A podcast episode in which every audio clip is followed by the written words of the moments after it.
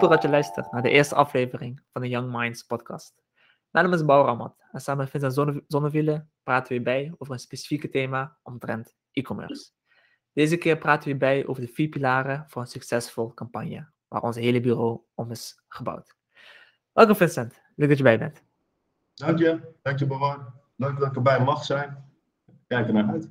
Ja, super. Dus um, als e-commerce eigenaar, krijg ik vaak de vraag vanuit e-commerce eigenaren, um, wat zorgt nou voor een goed lopend betaald campagne? Of een Facebook ads of een, uh, of een Google ad, of een, uh, of een Pinterest advertentie, of zelfs een TikTok advertenties. Ik krijg altijd de vraag, waarom is de een nog wel succesvol en de andere niet? Nou, nu heb je daarin honderden bedrijven geadviseerd. Wat is jouw ervaring hiermee? Mijn ervaring? Oef, succes. Um, om de vraag te herhalen, dus wanneer, uh, waarom zijn sommige bedrijven wel succesvol en waarom zijn sommige bedrijven niet succesvol met online adverteren, is de vraag. Ja. Dan um, allereerst wat mij natuurlijk uh, per bedrijf, uh, wat is succes? Wanneer ben je succesvol? wat is het doel van het bedrijf? In welke fase sta je ook met betrekking tot bijvoorbeeld e-commerce? Heb je een goed lopend bedrijf, maar wil je gaan digitaliseren? Of ben je een start-up? Heb je een cursus gevolgd? Wil je gaan dropshippen?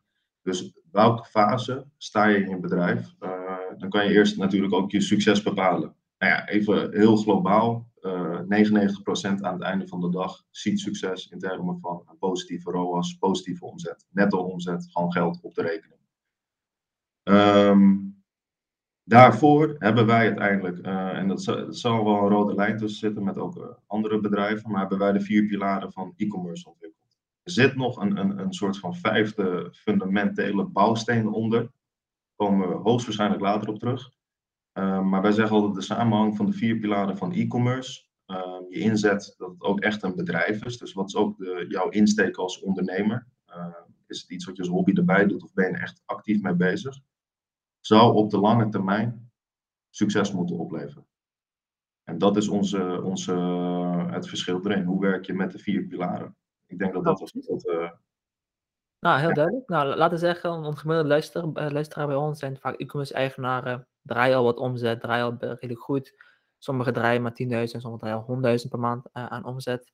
Wat zijn nou echt die vier pilaren en hoe spelen die een rol in, binnen de marketing van een e-commerce Oké, okay, dus, dus wat zijn de vier pilaren en hoe spelen ze een rol? Dat is de vraag. Um, de, vier, de vier pilaren, even heel simpel. We hebben dan advertising, dus betaalde campagnes. Kan zowel Google, Facebook, Instagram, maar dus je betaalde campagnes. Dat is onze core business ook bij ons bedrijf. Maar dat is de eerste pilaar. Tweede is uh, e-mail marketing, ook wel after sales. En er komt ook bij kijken, upcoming in Europa, gigantisch. Amerika is het al volledig uh, gebruikt, SMS marketing. Maar dus e-mail SMS, dat is je after sales tweede pilaar. En onze derde pilaar is website. Het is het eerste moment waar mensen echt in aanraking komen met het bedrijf. Naast de advertentie loop je als eerste winkel binnen of kom je als eerste op de webshop. En dan de vierde pilaar is content, creatives. En daarbij hebben we het niet over de content die op je website staat. Maar hebben we het echt over de content uh, waarmee je adverteert. Hoe trigger jij de mensen dat ze geïnteresseerd zijn in jouw product, bedrijf, business, service, whatever. Um, dat, dat zijn even de, de vier pilaren. Um, de samenwerking daarvan is dus, dus echt de belangrijkste. Um, neem bijvoorbeeld als voorbeeld de creators. Welke content ga je mee adverteren? Nou, je komt natuurlijk als, als startend bedrijf ga je adverteren. Er komt heel veel data binnen, die ga je uitlezen. Welke markt kijkt er naar mijn campagnes? Welke komt er op de site? Tot waar komen ze op de website? Komt allemaal data uit uiteindelijk zul je bijvoorbeeld zien, uh, neem even voor, de, voor het voorbeeld, dat er een, uh, een vrouwelijk product, dus de vrouwelijke markt van een jaar of 30 tot 35, reageert er echt massaal op. 80%, dat kunnen we uiteindelijk uitlezen. Welke content ga je dan creëren? Ja, dus gebaseerd op die lookalike markt. Dus zo werken die vier pilaren met elkaar samen. En dat, dat vergt van zowel uh, ons als growth agency, dat wij goed en snel kunnen terugkoppelen naar onze partners. Maar dat vergt ook van al onze partners. Uh, en ik, ik, adviseer dat voor elk bedrijf als ze bezig zijn, dat ze ook gewoon snel kunnen schakelen. En daarom is het een hobby of is het een bedrijf waar je ook actief mee bezig bent. Oké, okay, nou, even een hele goede. En je zegt het heel mooi inderdaad. Dus je hebt vier losstaande pilaren, maar ze komen toch weer met elkaar op een of andere manier. Uh, ik, kan me, ik kan me voorstellen, een, een e-commerce zeggen, zeggen, ja, maar eigenlijk doe ik het allemaal wel, maar uh, een beetje half-half. hoe, hoe, hoe kijk je ernaar als ja, één iemand alle vier doet? Is dat wijs? Is dat niet wijs? Of hoe kijk je ernaar? Het verschilt erbij. Dat is ook weer, ook weer per ondernemer, per persoon die er tegenover zit. Eén ehm, is waar, waarom zou je een agency zoeken? Zeg ik altijd. Dus wat is de reden voor een, uh, voor een bedrijf om, om uh, hulp te zoeken? Dat kan zijn, ik heb de kennis in huis, maar ik heb de tijd niet. Ik heb de kennis niet, of er is een bepaald blok waar ik tegenaan loop met die pilaren. Dus dat, dat zou één zijn. En dan twee zijn wat uh, uiteindelijk voor ons als bedrijf zijnde, uh, even heel simpel, core business is advertising. Wij beheren het geld van andere partijen. En daar dien je dus ook zorgvuldig mee om te gaan. het is gewoon, je bent andermans geld aan het besteden online. Um, maar de betrokkenheid bij het bedrijf. Dus komt, komt weer hetzelfde. En meestal uit ervaring zeg ik, mensen willen wel een bepaalde vorm van controle hebben. Dus dan zouden wij alle vier de pilaren overnemen. Dat zou ik altijd adviseren. Dan kunnen wij gewoon heel snel schakelen. Maar er zijn ook bedrijven, zoals bijvoorbeeld fashionbedrijven. Die hebben zelf een gigantisch netwerk van modellen. Die hebben zelf een gigantisch netwerk uh, waarmee ze content kunnen realiseren. Zij hebben de kleding en de nieuwe, nieuwe collecties, zomer, winter, noem maar op. Hebben zij ter beschikking. Moeten we dat dan elke keer gaan opsturen? Moeten we nieuwe, uh, noem maar op, daar gaat ook weer tijd overheen. Dus bij een fashionbedrijf is het logisch dat ze voor hetzelfde content schieten. Maar ook daarbij spelen wij dan wel weer een adviserende rol. Want wij zien uit de advertising wat ook echt goed werkt. En daar kunnen we wel weer op inspelen. En dan ga je eigenlijk dus naar, uh, nogmaals, wat is de samenwerking? Wie pakt welke pilaren op? Hoe snel kunnen we schakelen? En daarbij is het eigenlijk, denk ik, de key. Uh, hoe noem je dat? het grootste, het belangrijkste punt is uh, communicatie. Hoe communiceer je? En ook dat weer, wij hebben standaarden, standaarden hanteren we. Maar uiteindelijk, elk bedrijf is uniek. Elk contactpersoon heeft zijn eigen, eigen voorkeuren erin. We hebben bedrijven die zeggen, joh, één keer per half jaar uh, stuur, stuur de hele factuurbewijs van. Geef me de, een rapport. En ik ben tevreden als het positief is. En sommigen willen elke week, elke dag uh, een korte update hebben. Nou dat, daar moet je, uh, dat is een samenwerking, dat groeit naar elkaar toe. Oké, ik wil heel mooi dat uitlegt. Van daar per bedrijf ligt het anders. Pak een designs voorbeeld. Uh, dat een, uh, een groot bedrijf die al heel veel in plek heeft, daar meer intern kan doen. Uh, maar vaak voor andere dingen zoals advertising en e-mail, vaak bij extern heel goed gevonden kan worden. Als we dan hebben over e-mail marketing. Nou, één ding wat wij vaak zien terugkomen en één ding wat we ook wel willen, willen, willen vastzetten, is e-mail marketing hoort eigenlijk minimaal 20% van je omzet te zijn. En je ziet dan een e-commerce denken van, is het altijd het geval? Waarom heb ik maar 5% of 10%? En waarom heb ik wel al 40% als het ware? Is het altijd het geval dat 20% van je omzet in e-mailmarketing moet komen? Wanneer wel, wanneer niet? Um, dus, dus de vraag is de, de stabiliteit van uh, e-mailmarketing, after sales, uh, qua, qua omzet. 20% in dit geval. Um, Lastige vraag. Is het altijd zo? Nee, er zullen altijd uitzonderingen zijn. Maar als, als vuistregel, en daarbij moet ik toelichten dat met advertising moet je natuurlijk altijd kijken wat er gebeurt. Er zijn gigantisch veel externe trends. Nou, dat zou met e-mail marketing, after sales ook het geval kunnen zijn. Maar tot nu toe kan je wel als vuistregel nemen uh, dat voor een gemiddelde e-commerce shop, uh, als je webshop eenmaal goed loopt, dat je 10 à 20 procent minimaal extra moet kunnen ophalen. Als het eenmaal geoptimaliseerd is, zit je zeker rond de 20, 25 procent. Maar dat hangt natuurlijk van een aantal factoren af. Dus een ehm, mooi voorbeeld van e-mail marketing zijn je campagnes. Je hebt twee onderdelen, je flows. Dat zijn automatische actie-reactie, zeg ik altijd. En je hebt uh, campagnes. Iedereen kent de campagnes, de nieuwsbrieven. Nou ja, heb jij uh, duizend e-mailadressen verzameld als subscriptions of tien, en ga je nieuwsbrieven versturen, heeft een groot verschil over hoeveel aankopen uh, je gaat krijgen. Dus je moet een, een basis aan, aan, aan uh, e-mailadressen, subscriptions hebben. Je moet een basis aan traffic over je website hebben. Je moet een basis aan conversies hebben. 10 à 20 procent van je totaalomzet in het begin. Uh, ja, als je, als je 100 euro omzet, is dat niks. Als je, als je 10.000 euro omzet hebt, is dat gewoon nog een mooie bonus. En zo hebben wij dat ook gezien. Maar in het algemeen is de vuistregel wel 20 procent. We hebben bij startups dat gezien dat ze echt netjes op de 20.000, 2000 euro extra hebben. We hebben bedrijven gezien die, die al 40, 50.000 euro draaiden. We begonnen met de campagnes en we hebben direct 10, 15.000 euro extra omzet gegenereerd. Oké, duidelijk. En dus. Ja, ga je gang. Ja, dus, dus um, met advertising zeggen we altijd zoveel externe factoren, zoveel dingen. Dus uh, je wilt uiteindelijk wel op data bouwen en forecasten. Maar je moet wel met de tijd meegaan en continu up-to-date blijven. Facebook vorig jaar iOS 14.5. Google is dit jaar sinds januari al nieuwe privacy-wetgeving aan het doorvoeren. Hoe ga je daarmee om? Dus ik geef, zeg altijd met advertising, geen garantie van, van resultaat. Uh, garantie van maximale inzet uiteraard. Maar met e-mailmarketing durf ik bijna met zekerheid zeggen een garantie van een gigantische meerwaarde sowieso. Nou, mooi gezegd. Ik vond het heel mooi de uitleg van dat wat uh, andere factoren spelen op e-mailmarketing. Ik moet heel goed denken aan een paar voorbeelden die we hebben gehad. Dus één bedrijf die gewoon alleen e-mailmarketing deed. Nou, hij, die draaide niet 20% van omzet, maar richting 10 of 15%. En bedrijven die ook advertising echt fatsoenlijk oppakten en consistent nieuwe mensen bij kregen en ook nieuwe producten lanceerden en ook heel veel meer extra pakten, die al ruimschoots boven de 20 en 30 procent uh, uitkomen. Dus dat, dat, is heel mooi. Uh, dat is heel mooi om te zien. Um, ja, nee, duidelijk. En dan buiten vier pilaren om. we hebben de vier pilaren besproken: advertenties, e-mails, uh, website en ook content. Um, heb je natuurlijk andere factoren. Waarom zijn die geen onderdeel van de vier pilaren? uiteindelijk, als bedrijf uh, hebben, we natuurlijk een overweging gemaakt. We zijn echt een, uh, een schaalbureau, data-analisten. Uh, vanuit daar zijn we natuurlijk ook verder gegaan. Maar bij elk bedrijf zit er wel een, een, ehm, ja, een fundamentele plaat onder. En eh, voor ons noemen we dat dan eh, strategy and business development. Maar bij een e-commerce bedrijf heb je ook te maken met andere factoren naast de advertising. elk bedrijf, klantenservice. Hoe wordt je pakketje aangeleverd? Eh, hoe makkelijk is het retourbeleid? Eh, hoe goed bereikbaar ben je?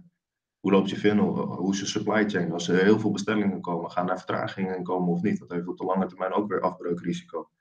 Dus er zijn uiteindelijk ook uh, concept development, business development, noem maar op, andere aspecten bij een bedrijf die invloed hebben. Heel mooi voorbeeld is een bedrijf. we zijn goed aan het adverteren. We halen een omzet van 20.000 euro gemiddeld per maand. Maar er gaat ongeveer 7.000 euro aan retours terug. Ehm, kunnen ze dat verbeteren? Is dat aan ons als, als agency? Ik denk het niet, maar het is voor ons wel belang dat, dat uiteindelijk al onze partners natuurlijk het maximale eruit halen. Dus we hebben die kennis wel in huis. Om ze daarbij te ondersteunen, advies te geven, uh, zelfs strategische plannen te ontwikkelen.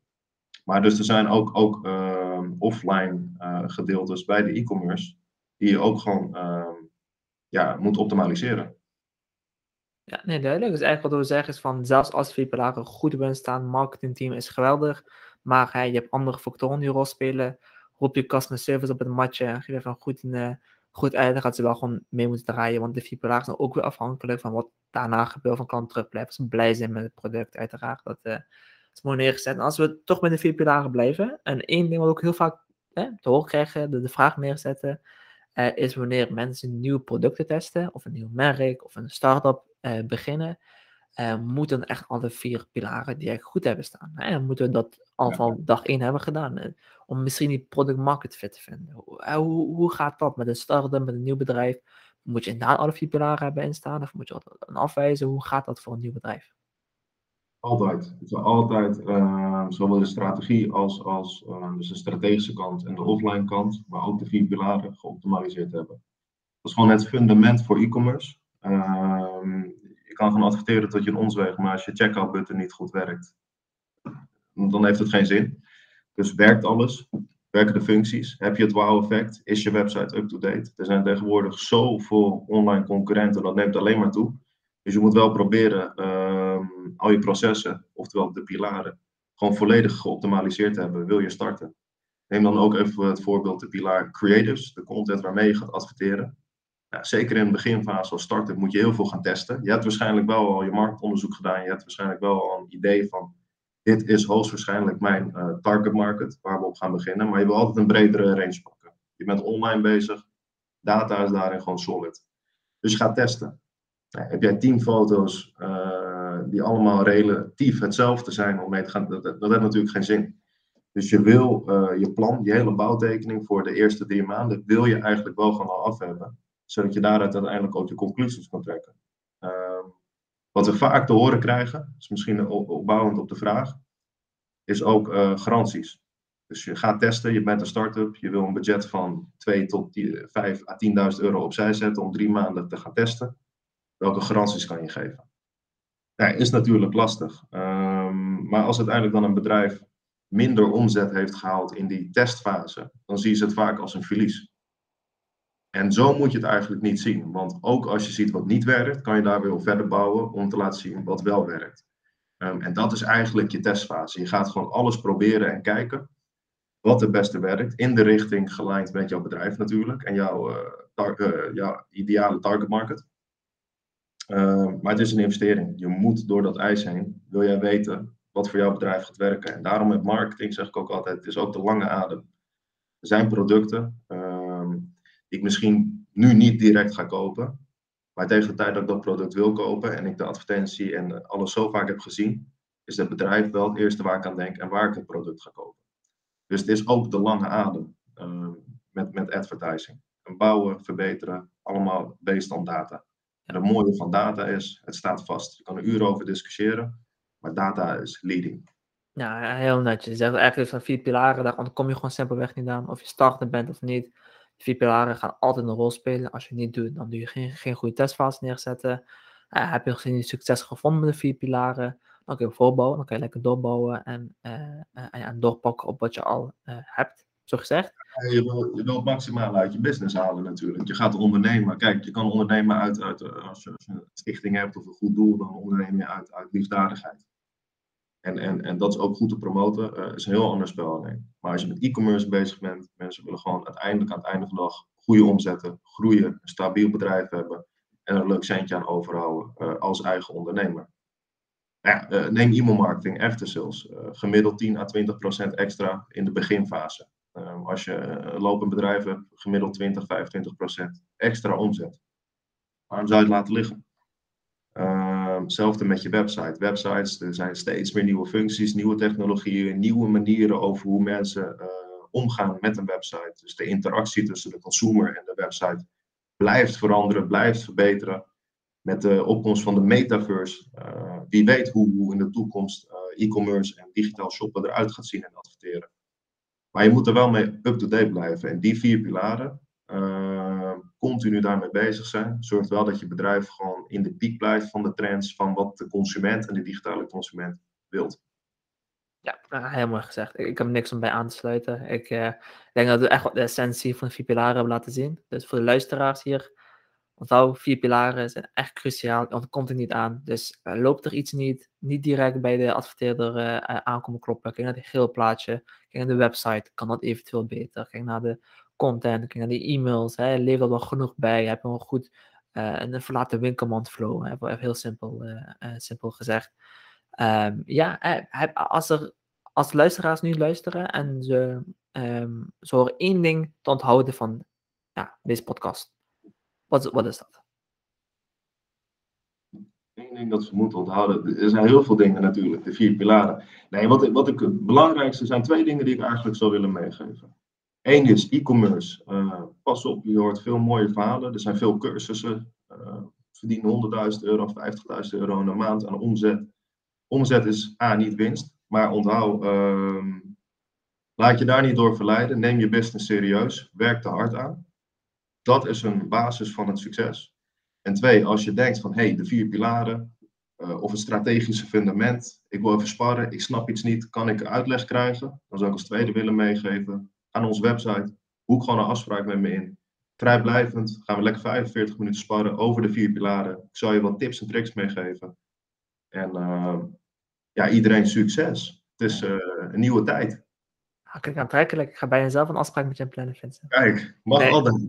Ja, 100%. Ja, iedereen, nou, bedankt voor het luisteren naar de podcast uh, Young Minds. Als je het interessant vond, zorg voor onze e-book ook download op onze website. de vier pilaren van een succesvolle campagne voor e-commerce. Um, tot de volgende keer en ik wens je veel gelukkig podcasting.